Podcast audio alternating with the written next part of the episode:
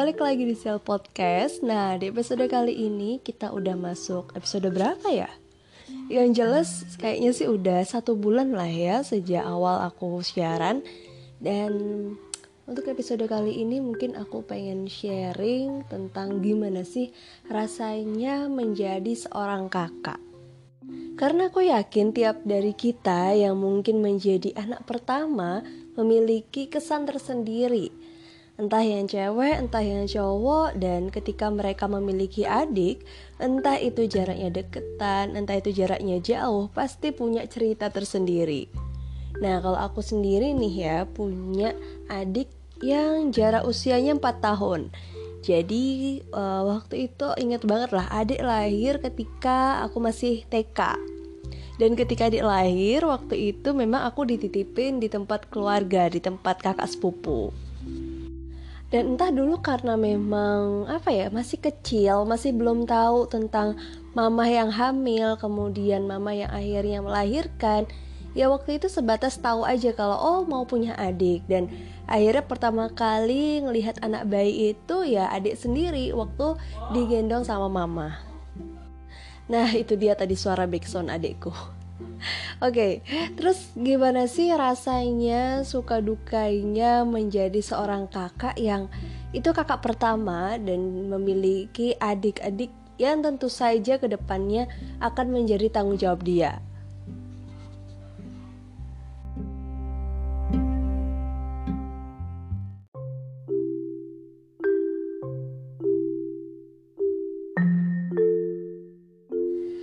Oke, okay, yang namanya menjadi kakak dan punya adik itu pasti jalannya nggak ada yang mulus. Mulai dari zaman kecil yang suka berantem, yang suka ribut, yang suka pukul-pukulan, lempar barang dan lain sebagainya, itu tuh udah jadi makanan sehari-hari lah ketika masih sama-sama dalam satu rumah.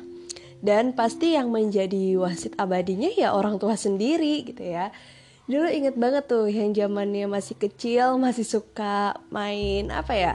Ya kadang cuma main-mainan kecil terus kemudian main PlayStation atau apa gitu ya. Kalau misalnya ada satu hal yang tidak sesuai itu pasti udah marah duluan. Entah aku atau entah adik. Terus nanti kadang saling apa ya sengak-sengaan gitu loh. Tahu nggak sih kayak uh, ngomong tapi bahasanya tuh tinggi. Jadi satu yang suaranya tinggi nanti dibalas lagi suara tinggi. Nah kayak gitu seterusnya. Bahkan gak menutup kemungkinan setiap kali kita main Itu pasti ada salah satu yang nangis. Entah salah satunya nangis Atau salah satunya jadi moodnya itu jelek sendiri tapi emang sih itu lebih banyak terjadi waktu SD ya TK, SD dan juga SMP karena waktu itu masih dalam satu rumah ya masih bareng-bareng. Dan nggak tahu kenapa ya kayak uh, setiap hari tuh kalau nggak ada ribut-ributnya itu tuh jadi kurang greget lah. Nah aku nggak tahu nih kalau kalian yang punya saudara punya adik lebih dari satu tuh gimana sih rasanya karena aku aja yang cuma punya adik satu terutama adik cowok itu tuh rasanya kayak yang oh kenapa sih ini anak? gitu kan. Kenapa sih ngajak ribut banget? Kadang kayak gitu. Tapi memang semakin ke sini kadang kita semakin ini ya udah semakin um, dewasa lah ya satu sama lain. Jadi ya namanya ribut-ribut ya antara kalian dengan saudara kalian juga pasti berkurang mungkin ada fase-fasenya yang tadinya sering ribut akhirnya kemudian jadi teman curhat kayak gitu. Nah itu juga aku alami sih karena setelah kuliah ya waktu itu tahun 2013 aku kan memutuskan buat kuliah di Jawa. Dan ternyata waktu itu adikku sendiri juga memutuskan untuk um, melanjutkan studi SMA-nya dia, sekolah lanjutannya di Jawa juga walaupun kita beda kota tapi ternyata dari situ apa ya uh, mulailah ada sedikit perbedaannya mungkin karena nggak pernah ketemu karena jarang uh, ngobrol kayak waktu masih dalam satu rumah akhirnya mulai ada quality time lah yang kita ciptakan ketika kita bisa apa ya menyempatkan waktu buat ketemu. Dan itu mungkin terjadinya ya ketika dia usia-usia belasan dan aku udah masuk usia 20-an dan dari situ juga sebagai seorang kakak yang bertanggung jawab untuk adiknya karena kita sama-sama udah tidak satu rumah ya dengan orang tua otomatis ada tanggung jawab yang harus dipegang. Ibaratnya kayak kakak ini adalah sebagai penggantinya orang tua. Jadi memang mau nggak mau apa yang dilakukan sama adik kita, apa yang kemudian ingin dia kerjakan atau apa yang menjadi pikiran dia, ya kita juga bertanggung jawab lah untuk itu. Apalagi buat kita nih yang sebagai kakak pertama pasti nggak pengen kan adik kita itu uh, melakukan sebuah kesalahan yang fatal atau yang justru merugikan diri dia sendiri karena biar gimana pun kita sebagai kakak itu kan udah apa ya ada pengalaman lah dengan apa yang udah kita lakuin sebelumnya. Kayak misalnya ketika kita memilih kuliah atau ketika kita memutuskan suatu hal gitu ya. Yang awalnya mungkin kita dulu berdiskusi dengan orang tua yang dulunya mungkin kita tidak tahu harus ngomong dengan siapa dan kita mencoba sendiri. Akhirnya karena kita udah dapat nih formulanya kita berusaha gimana sih caranya supaya saudara kita adik-adik kita ini uh, tidak mengalami kesulitan yang sama. Kalau aku sih dulu mikirnya kayak gitu ya cuma nggak tahu kalau misalnya dari kalian sendiri seperti apa. Nah terus um, dan kayaknya antara kakak yang punya adik laki-laki sama adik perempuan pasti juga beda ya. Dan aku juga nggak tahu nih kalau kalian sebagai seorang kakak yang cewek atau yang cowok ada perbedaan juga nggak sih? Maksud karena aku ini kan kakak cewek ya otomatis uh, kakak cewek mungkin mikirnya itu akan lebih kompleks dibandingkan dengan seorang kakak cowok. Dan karena aku ini punya adiknya cowok bukan adik cewek. Jadi mungkin juga apa yang aku pikirkan juga berbeda. Dan pasti penerapannya juga akan berbeda ketika aku memiliki adik cewek. Kalau aku sebagai seorang kakak perempuan kemudian memiliki adik laki-laki ya paling tidak gimana ya mempersiapkan supaya adik laki-laki kita itu bisa bertanggung jawab untuk diri dia sendiri. Karena ya inilah ya uh, semua tahu lah kalau misalnya kadang yang namanya anak dengan orang tua itu kan pasti ada pola pikir yang berbeda. Ada hal-hal yang tidak sejalan.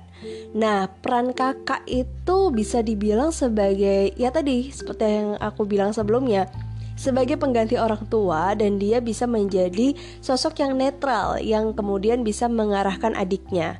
Jadi si kakak ini dia bisa mendengar uh, yang menjadi keluh kesah dari orang tuanya dan juga bisa menjadi perantara untuk menyampaikan apa yang ada di dalam pikiran adik ini kepada orang tuanya dan kemudian si kakak ini bisa menyampaikan apa sih yang menjadi pikiran dari orang tua dan apa sih yang orang tua harapkan untuk dia.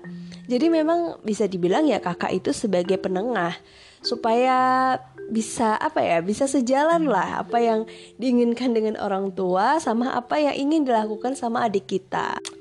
Nah seperti yang udah aku ceritakan tadi karena adikku ini laki-laki jadi mau gak mau aku harus mempersiapkan supaya dia bisa menjadi seorang pria yang ke depannya bisa bertanggung jawab untuk diri dia sendiri apalagi nanti ketika dia sudah semakin dewasa dia kan akan berkeluarga juga dan mau nggak mau uh, apa yang mungkin selama ini jauh dari penanaman orang tua karena situasinya kita berjauhan uh, tempat tinggal. Nah, si kakak ini bagaimana caranya bisa mengarahkan adiknya supaya tidak salah arah.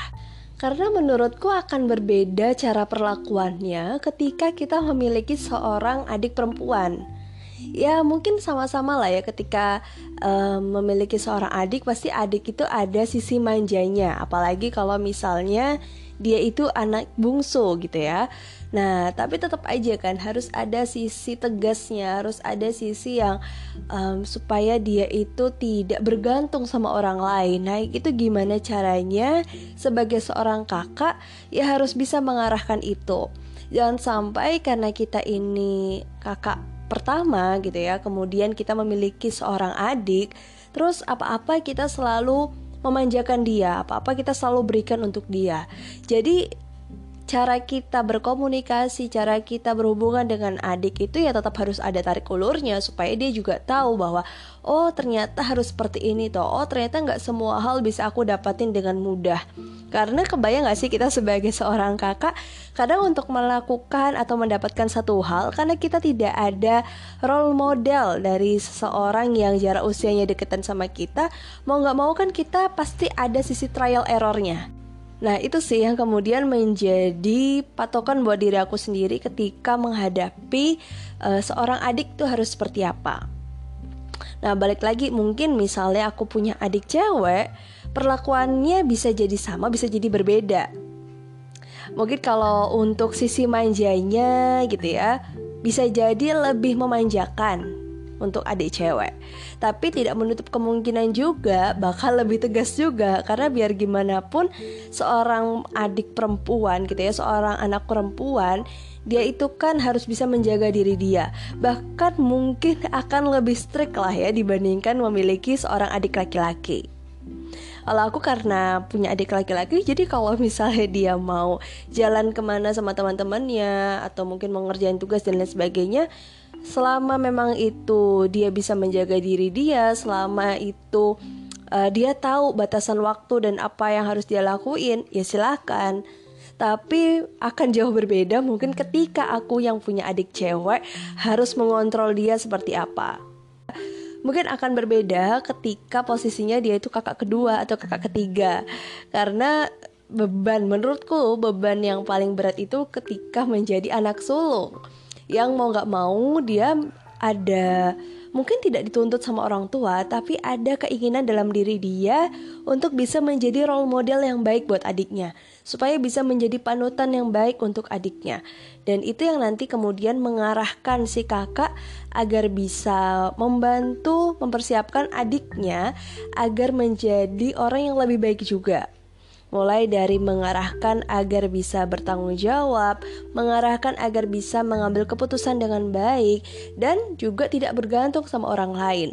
Karena walaupun posisi dia itu sebagai seorang adik, ketika nanti dia berada di lingkungan sosial, ketika dia berinteraksi dengan orang lain, ya dia berdiri sebagai diri dia sendiri tapi mungkin ketika dia di rumah, posisi dia adalah sebagai seorang adik, sebagai seseorang yang usianya jauh lebih muda dibanding kakaknya dan juga menjadi bisa jadi menjadi anak kesayangan dari orang tuanya.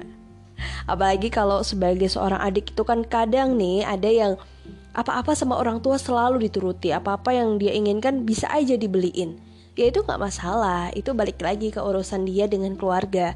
Tapi ketika tadi yang udah aku bilang ya ketika dia berada di lingkungan sosial ketika dia berinteraksi dengan orang lain dia akan berdiri sebagai diri dia sendiri. Makanya menurutku penanaman di dalam keluarga itu bukan hanya menjadi tanggung jawab dari orang tuanya saja, tapi dari seluruh anggota keluarga yang terlibat di dalamnya ya nggak dipungkiri ya pasti dalam dinamika keluarga tuh ada yang namanya sibling rivalry. Sibling rivalry ini sangat mungkin terjadi ketika ada satu hal yang tidak sesuai dengan apa yang dia inginkan. Mungkin saling membandingkan saudaranya saling menyudutkan antara satu saudara dengan saudara yang lain atau kemudian um, menjadi beban ya karena diri dia sendiri tidak bisa menyeimbangi kakaknya. Nah, ini harus ada saling keterbukaan gitu. Kalau misalnya uh, salah satu saudara ada rasa kecemburuan dengan saudara yang lain, sebenarnya sebaiknya harus juga dibicarakan dengan baik. Dan kalau nggak salah aku sendiri pernah sih nanya sama adikku kayak kamu cemburu nggak sih dengan kakak yang kayak gini ya kayak gini kayak gini Nah, itu pertanyaan yang sebenarnya cukup nyelekit ya, cukup menjurus, tapi menurutku penting buat ditanyakan. Kenapa? Karena kadang ketika kita menyimpan rasa tidak suka dengan keluarga, menyimpan rasa cemburu karena mungkin si kakak kok lebih bisa bebas melakukan aktivitas tertentu atau mungkin ketika si adik ini nilainya lebih tinggi dari si kakak dan si kakak merasa minder tapi kemudian semuanya itu dipendam nah itu bisa berdampak pada kualitas hubungan persaudaraan di kemudian hari. Menurutku ini akan sangat berpengaruh entah nanti ketika mereka sudah berkeluarga ya kemudian akan muncul permasalahan-permasalahan yang sebenarnya itu diakibatkan karena pengalaman di masa kecil atau di masa mereka masih sama-sama bertumbuh. Nah, ketika kita udah saling terbuka, kita jadi tahu, oh ternyata ini toh yang harus dievaluasi. Oh ternyata si adikku tuh begini. Oh ternyata si kakakku begini. Nah, dengan seperti itu, dengan kita saling terbuka, tentu saja kita jadi bisa sama-sama menyamakan persepsi, yang itu akhirnya bisa meminimalisir adanya drama di dalam keluarga. Jadi yang namanya evaluasi dalam keluarga itu nggak cuma tentang masalah pasangan suami istri aja ya, bukan cuma masalah gimana cara pengasuhan orang tua, tapi juga evaluasi sebagai saudara sejauh mana sih dia sudah berfungsi dengan baik sebagai seorang kakak, apakah dia udah berfungsi dengan baik sebagai seorang anak. Nah, itu yang mesti dilakuin semuanya. Nah, kurang lebih kayak itu sih yang bisa aku bagi ke teman-teman untuk episode kali ini. Yang jelas, kita selalu berusaha supaya menjadi keluarga yang harmonis. Tentu saja, harmonis ini tidak hanya dari sisi pasangan suami istri, tidak hanya dari pola pengasuhan orang tua, tapi juga bagaimana kita sebagai saudara atau antar saudara bisa saling memberikan perhatian dan juga dukungan satu sama lain. So, Oke, okay, semoga informasi yang aku berikan ini bermanfaat dan sampai jumpa di episode selanjutnya. thank you